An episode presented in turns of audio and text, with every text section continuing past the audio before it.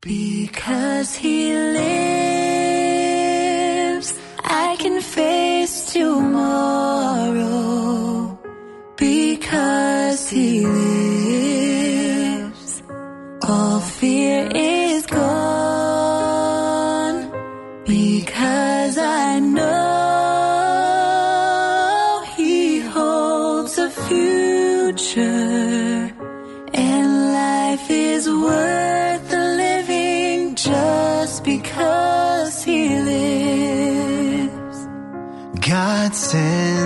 사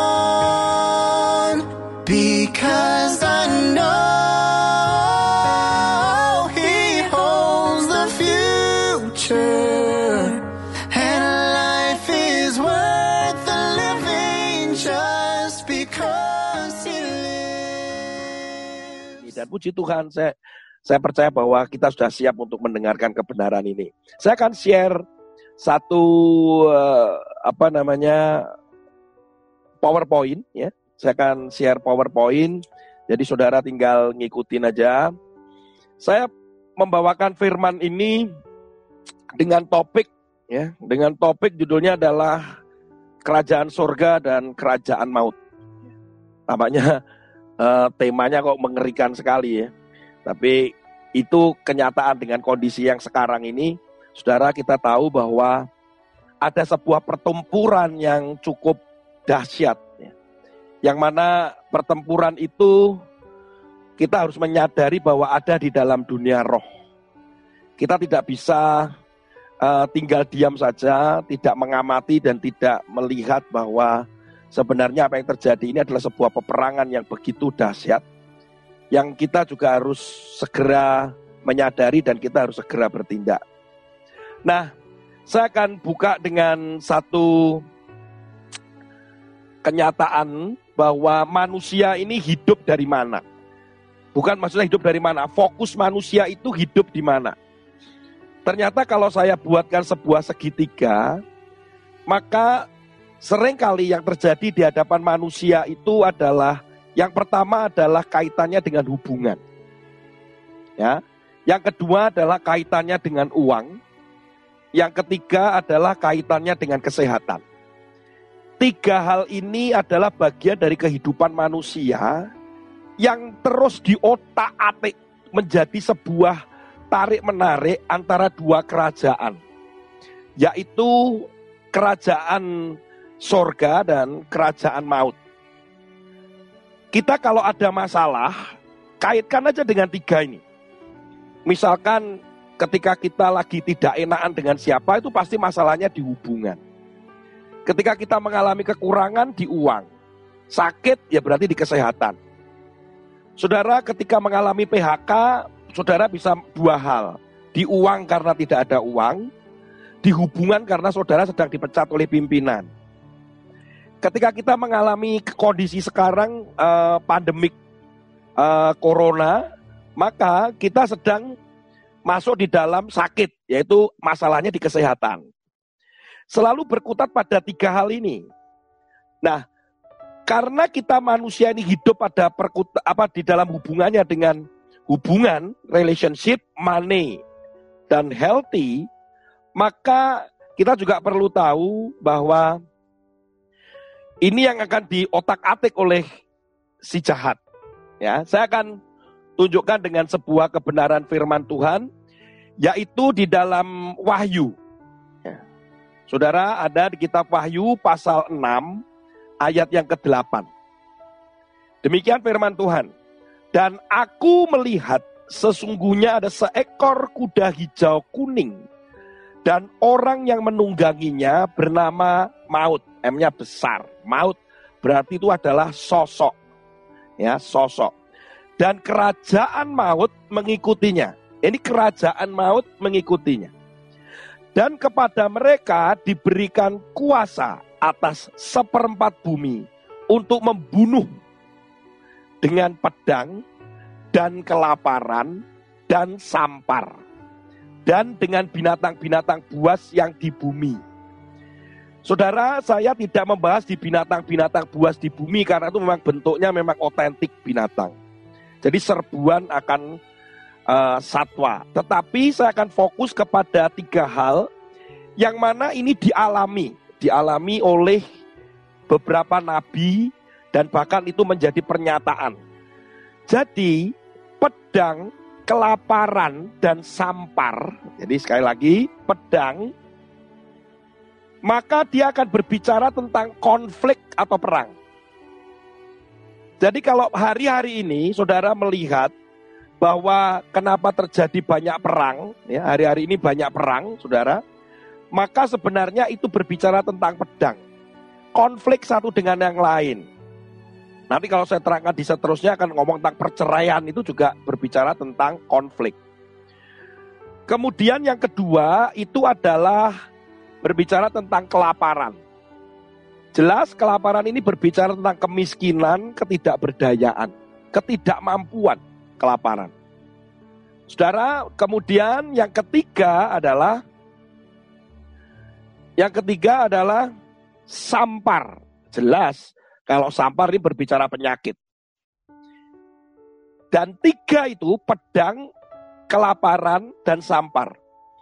Itu adalah kerajaan maut, saudara.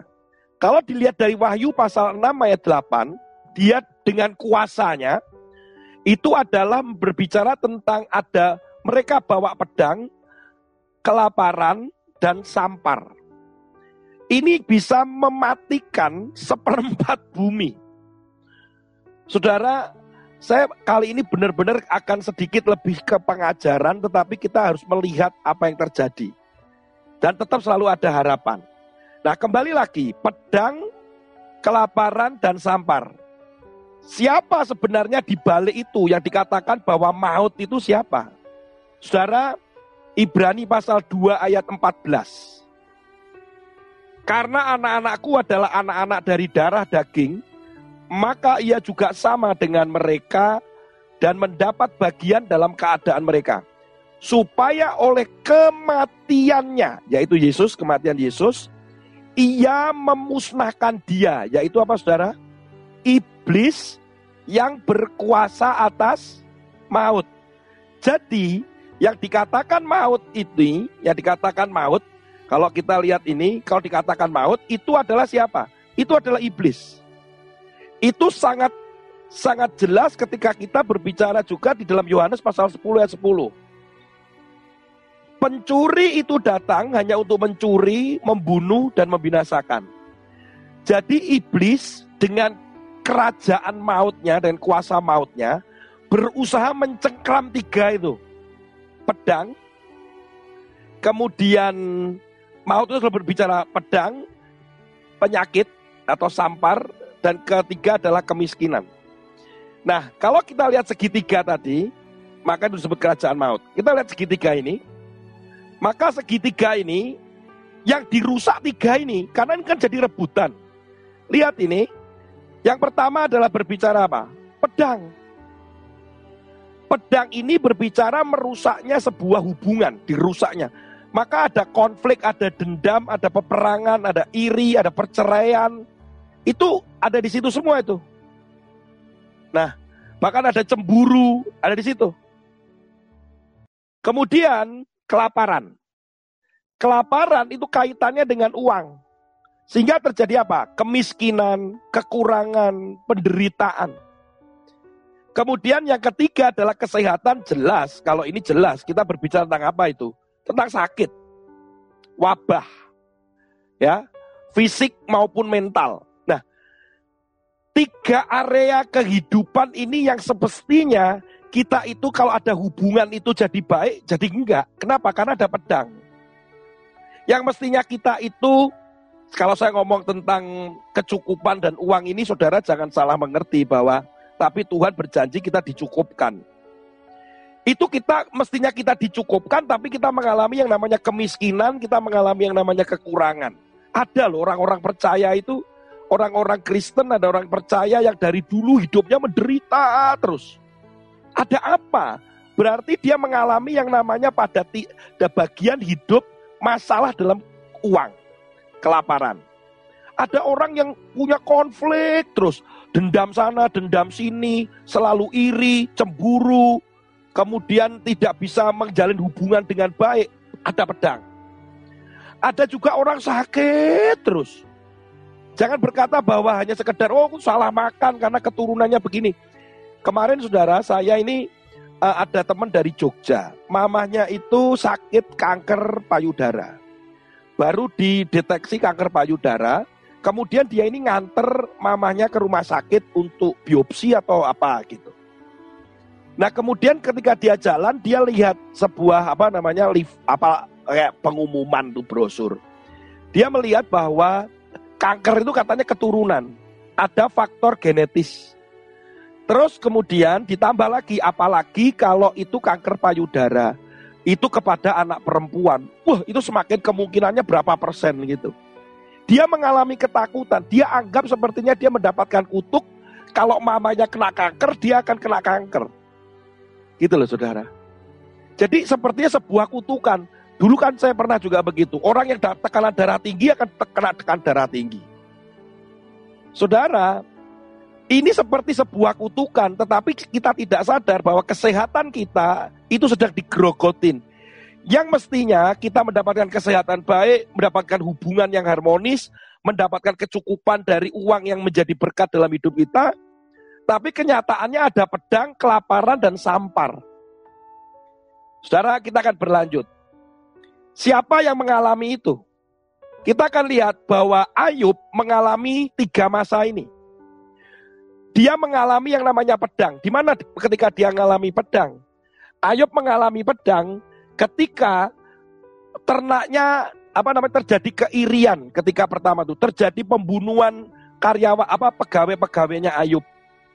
Terus kemudian terjadi keirian antara yang satu dengan yang lain.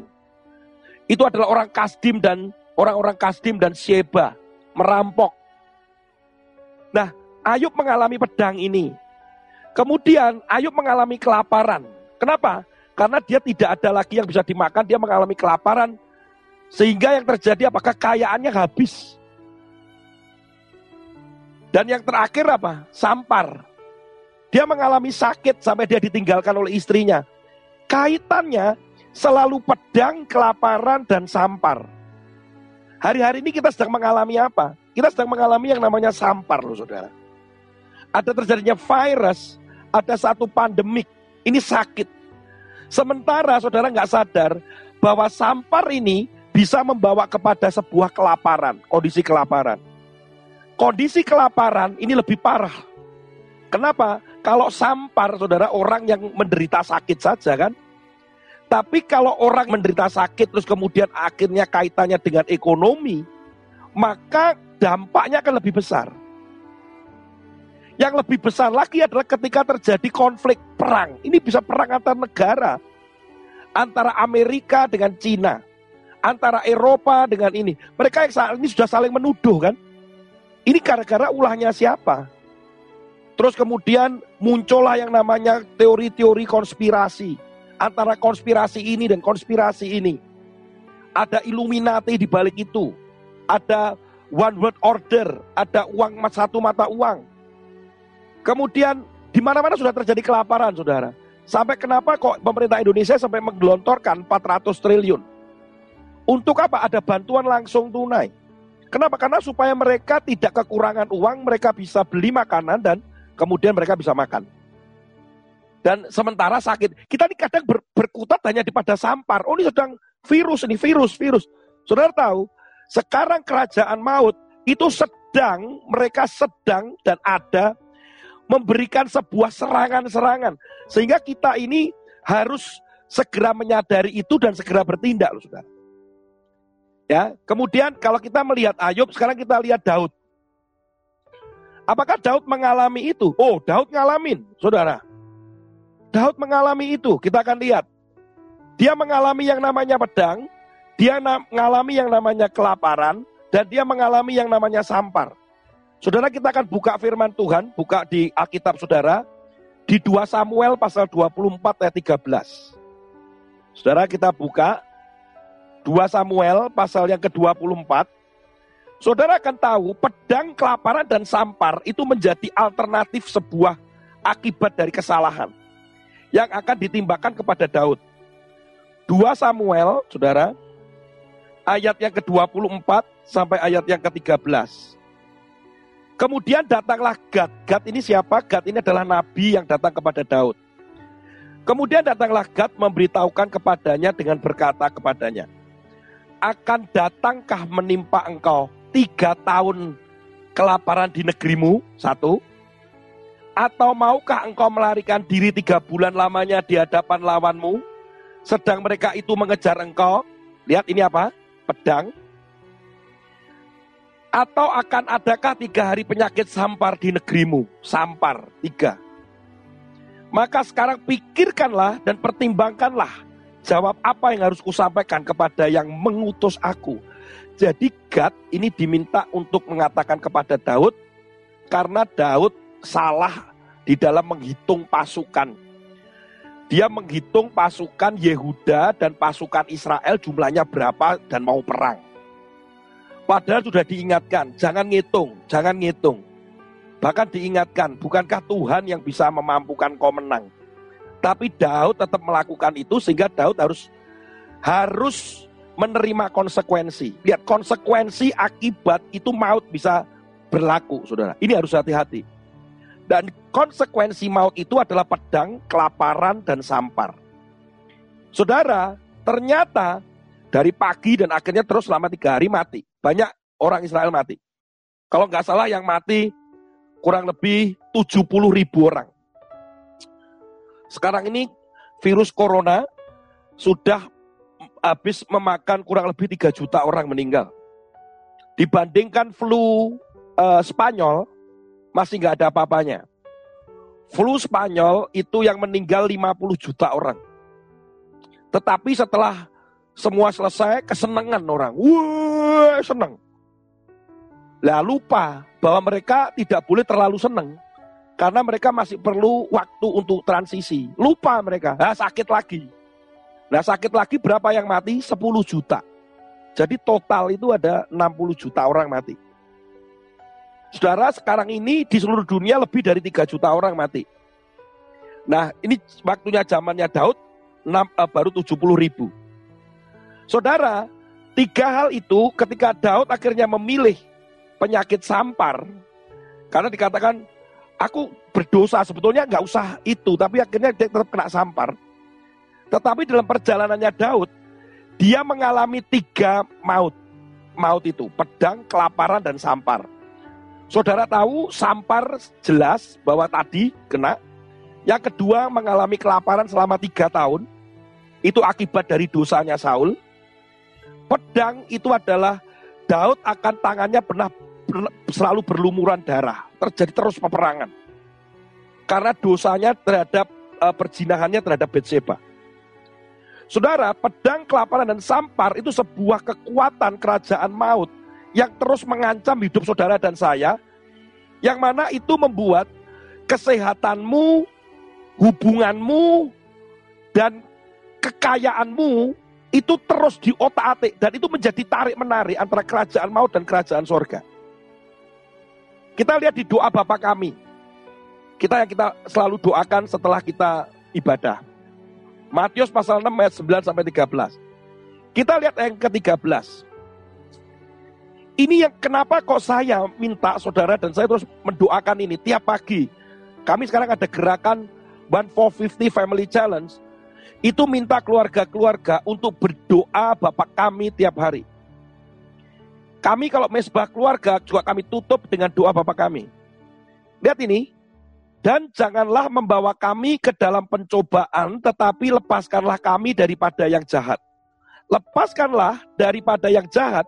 Jahat itu dari kata poneros. Poneros, itu bahasa Yunannya poneros. Jahat itu berbicara kuasa, saudara. Itu adalah berbicara kekuatan, kuasa yang melukai, yang merusak, menimbulkan rasa sakit, dosa, kemiskinan, merendahkan, menginjak saudara, merusak gambar diri saudara. Bayangin, sebenarnya tiap hari kita minta supaya kita itu dilepaskan dari kuasa ini. Jadi ini berbicara kekuatan sebuah kuasa itu. Maka oleh karena itu terjadilah tarik menarik antara dua kerajaan, yaitu kerajaan maut dan kerajaan sorga. Ini terus begitu. Nah oleh karena itu apa yang harus kita lakukan? Ya kita harus datang kepada Yesus. Kenapa Yesus? Kenapa harus Yesus? karena dia satu-satunya yang bisa mengalahkan maut. Yang percaya katakan amin. Hanya dia satu-satunya yang bisa mengalahkan maut. Roma pasal 6 ayat 9. Karena kita tahu bahwa Kristus sesudah ia bangkit. Ini artinya tadi. Sebab dia hidup. Ada hari esok. Sesudah ia bangkit dari antara orang mati. Ia eh, tidak mati lagi maut tidak berkuasa lagi atas dia. Artinya maut dikalahkan. Kuasa maut itu dikalahkan oleh kuasa kebangkitannya Yesus karena dia memang hidup. Itu yang membuat kita punya harapan. Itu yang membuat kita ketika datang kepada Yesus itu kita punya harapan. 2 Timotius pasal yang ke-1 ayat 9 sampai 10. Dialah yang menyelamatkan kita dan memanggil kita dengan panggilan kudus bukan berdasarkan perbuatan kita, melainkan berdasarkan maksud dan kasih karunia-Nya sendiri yang telah dikaruniakan kepada kita dalam Kristus Yesus sebelum permulaan zaman dan yang sekarang dinyatakan oleh kedatangan juru selamat kita Yesus Kristus yang oleh Injil telah apa saudara? Mematahkan kuasa maut. Maut dipatahkan. Dan mendatangkan hidup. Saya tidak pernah ada janji sama Robi ya kalau dia tadi nyanyi sebab dia hidup ada hari esok. Tapi saya percaya pujian tadi adalah meneguhkan apa yang ingin saya sampaikan dan Tuhan mau sampaikan kepada saudara. Bahwa mendatangkan hidup. Sebab dia hidup, sebab dia hidup ada hari esok. Itu untuk memberikan hidup. Dia datang untuk memberikan hidup dan hidup penuh dengan kelimpahan. Itu seperti Yohanes pasal 10 ayat 10. 1 Yohanes pasal 3 ayat 8. Barang siapa yang tetap berbuat dosa berasal dari iblis. Sebab iblis berbuat dosa dari mulanya. Dan inilah anak Allah menyatakan dirinya, yaitu supaya ia membinasakan perbuatan-perbuatan iblis. Jadi semua itu dipatahkan. Sebenarnya apa yang terjadi dengan pedang, dengan kelaparan atau sam, kelaparan dan sampar, itu udah ada, sudah diselesaikan di atas kayu salib, saudara. Yesus sudah membinasakan itu. Maut sudah dikalahkan. Makanya ketika kita berbicara masalah pedang itu, maka seharusnya pedang itu sudah nggak ada. Kelaparan itu juga nggak ada, sampar juga enggak. Kenapa? Karena Tuhan Yesus gantikan dengan pemulihan dan pengampunan. Yang percaya katakan amin. Merekonsiliasi, kembali mengikat, merekatkan terjadinya pemulihan dan pengampunan. Maka seperti seorang anak uh, anak uh, uh, anak sulung yang meninggalkan bapaknya, kemudian dia datang, dia mendapatkan pengampunan, dia mendapatkan pemulihan. Dia diberikan cincin, dia diberikan jubah, dia diberikan kasut, dipestakan. Itu berbicara hubungan yang kembali. Yang kedua adalah ketika bicara kelaparan itu ditiadakan, Tuhan sebenarnya memberikan yang namanya kemakmuran, berkecukupan, dan damai sejahtera. Kalau nanti saya ngomong tentang kemakmuran, jangan salah dikatakan seperti ini adalah teologi kemakmuran. No. Tetapi berbicara tentang kecukupan, bahwa kita dicukupkan oleh Allah. Kita akan berbanyak dalam kemurahan, kebajikan. Saudara juga akan mendapatkan berkat sebenarnya. Saudara akan mendapatkan damai sejahtera, bukan penderitaan. Tapi ada orang-orang percaya berkata, kenapa saya hidup saya kok terus menderita? Kenapa hidup saya kok terus begini-begini terus? Ada satu tanda tanya yang mungkin kita juga harus renungkan hari-hari ini. Kemudian penyakit sampar. Yang terjadi apa? Kesembuhan. Kesembuhan.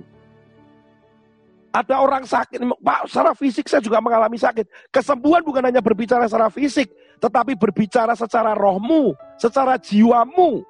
Karena tubuh kita ini tetap karena akibat dari dari apa namanya uh, dosa itu, maka tubuh ini tidak kekal. Sehingga memang ada kelemahan. Saudara jangan berkata begini, wah saya sembuh. Saudara ambil peso, kemudian dicelap begini, wah anti. Wah, bukan. Artinya jiwamu disembuhkan, rohmu disembuhkan.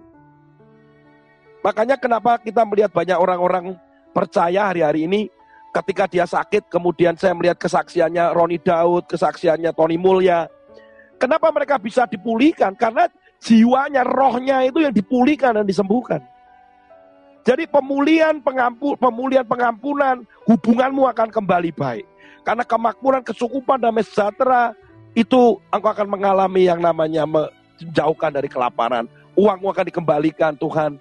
Bukan untuk engkau menjadi hamba uang dan cinta akan uang. Tidak. Untuk mencukupkan kebutuhanmu. Kemudian juga kesembuhan, engkau akan dikembalikan, dipulihkan kesehatanmu. Berpikir lebih sehat, jiwamu lebih sehat. Yang harus saudara dan saya lakukan apa terakhir ini dikatakan pertobatan. Ini yang terjadi pada Daud. 2 Samuel pasal 24 ayat 25. Daud tahu ketika itu dia mengalami yang namanya sampar itu. Kemudian saudara 2 Samuel pasal yang ke-24 ayat yang ke-25. Lalu Daud mendirikan di sana mesbah bagi Tuhan dan mempersembahkan korban bakaran dan korban keselamatan maka Tuhan mengabulkan doa untuk negeri itu dan tulah itu berhenti menimpa orang Israel. Bagaimana doa itu bisa dikabulkan dan terhenti? Itu karena sebuah pertobatan. Daud mengalami yang namanya pertobatan. Bentuk pertobatannya apa? Dia membangun mesbah. Ada dua mesbah yang dia lakukan korban itu, yaitu korban bakaran dan korban keselamatan. Di mana letak pendamaian untuk uh, kembali hubungan itu baik? Dengan pertobatan, dengan mengaku dosa. Itu ada pada korban bakaran. Korban bakaran itu lambang pendamaian. Dosa itu tidak lagi di, apa diampu, eh, dosa itu diampuni dan kemudian terjadi pendamaian. Dan kemudian juga korban bakaran itu menjadi bagian ucapan syukur. Kenapa gambar saya itu gambarnya api? Ya karena ini berbicara tentang korban mesbah itu yang dibakar. Kemudian yang kedua itu adalah korban yang namanya korban keselamatan. Ini berbicara tentang bahwa keselamatan itu adalah anugerah. Keselamatan itu adalah uh, sebuah anugerah yang dianugerahkan. Saudara, apa secara praktisnya? Hari-hari ini terjadikanlah hidup saudara, keluarga saudara, di rumah saudara, terjadi pertobatan. Bertobat saudara. Saudara yang melakukan banyak kejahatan di masa lalu, saya tahu tidak semuanya uh, ada beberapa dari kita mungkin ada banyak masih kesalahan, ada ada banyak dosa, ada kebiasaan, hal-hal yang ada dan menghibit. Sementara saya menyampaikan ini, mungkin Roh Kudus bicara kepada saudara, ada sesuatu yang selama ini saudara itu menjadi terikat. Bertobat, repent. Supaya apa? Saudara nggak tidak dikuasai oleh kerajaan maut itu repent. Saudara mesti membangun mesbah. Saudara mesti mulai. Saudara bertobat dan bilang, ya aku salah Tuhan, aku ampuni aku. Kan kemudian saudara berdamai. Luar biasa yang bisa mengalahkan maut itu cuman Yesus, saudara. Sehingga kita datang kepada Yesus dan kita percaya dan minta ampun sama dia. Kita bersyukur atas segala sesuatu karena kesempatan anugerah itu masih ada sehingga sampai hari ini. Dan itu akan membuat apa saudara? membuat doa itu dikabulkan dan Tuhan menghentikan itu. Yang dibentukkan bangsa ini adalah bertobat. Bukan gereja konflik dengan gereja. Bukan orang para ahli dokter konflik dengan dokter. Pertobatan nasional. Pertobatan orang-orang percaya, sudah. Mari kita bertobat. Sudah, ini nggak bisa lain, sudah perlu pertobatan. Semua dokter, semua, ini kalau nggak ada tanpa pertolongan Tuhan nggak bisa. datang pertobatan. Pertobatan. Bangsa kita perlu pertobatan, saudara bertobat, semua bertobat. Mari kita mulai dari diri kita dan keluarga kita. Maka kita akan melihat Tuhan menghentikan semua itu. Dan akan ada pemulihan. Karena kita percaya bahwa kerajaan sorga yang Yesus adalah rajanya itu. Itu memang yang menang dan menang selama-lamanya. Kerajaan maut sudah dipatahkan. Tuhan Yesus memberkati. Mari kita berdoa.